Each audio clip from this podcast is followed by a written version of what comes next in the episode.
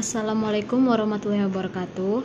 Nama saya Aisyah Bunga Rahmatika. Saya dari kelas Ekonomi Syariah Eksklusif 8A.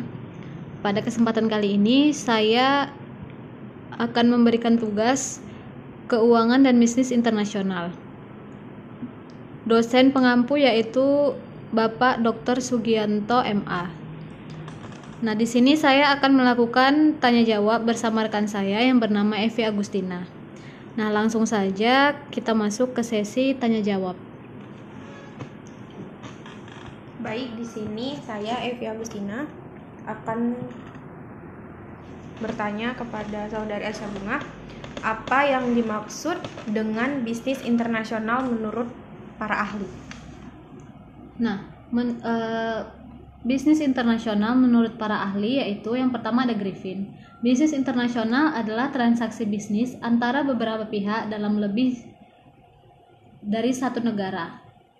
Nah, menurut Hadi, bisnis internasional adalah suatu studi tentang transaksi ekonomi yang meliputi perdagangan internasional, ekspor impor, dan foreign investment, direct maupun indirect, yang dilakukan oleh individu dan perusahaan atau organisasi dengan tujuan mendapatkan keuntungan dan manfaat tertentu.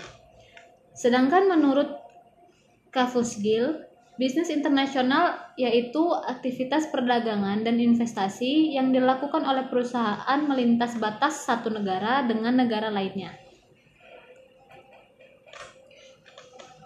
Yang kedua, pertanyaan yang kedua, apa bentuk paling sederhana dari bisnis internasional? Nah, bentuk paling tradisional dari bisnis internasional itu adalah investasi dan perdagangan internasional. Perdagangan internasional itu mengacu pada pertukaran produk dan jasa yang melintas batas negara. Nah, perdagangan ini melibatkan produk dan jasa, pertukaran dalam perdagangan internasional dalam bentuk ekspor dan impor. Nah, investasi internasional juga mengacu pada aset dari suatu negara ke negara lainnya. Nah, aset ini termasuk modal, teknologi, manajerial, dan infrastruktur pabrik. Baik, pertanyaan ketiga. Ada berapa jenis investasi lintas batas negara dan dan benua? Nah, ada dua jenis investasi lintas negara, yaitu yang ada yang pertama ada investasi portofolio internasional.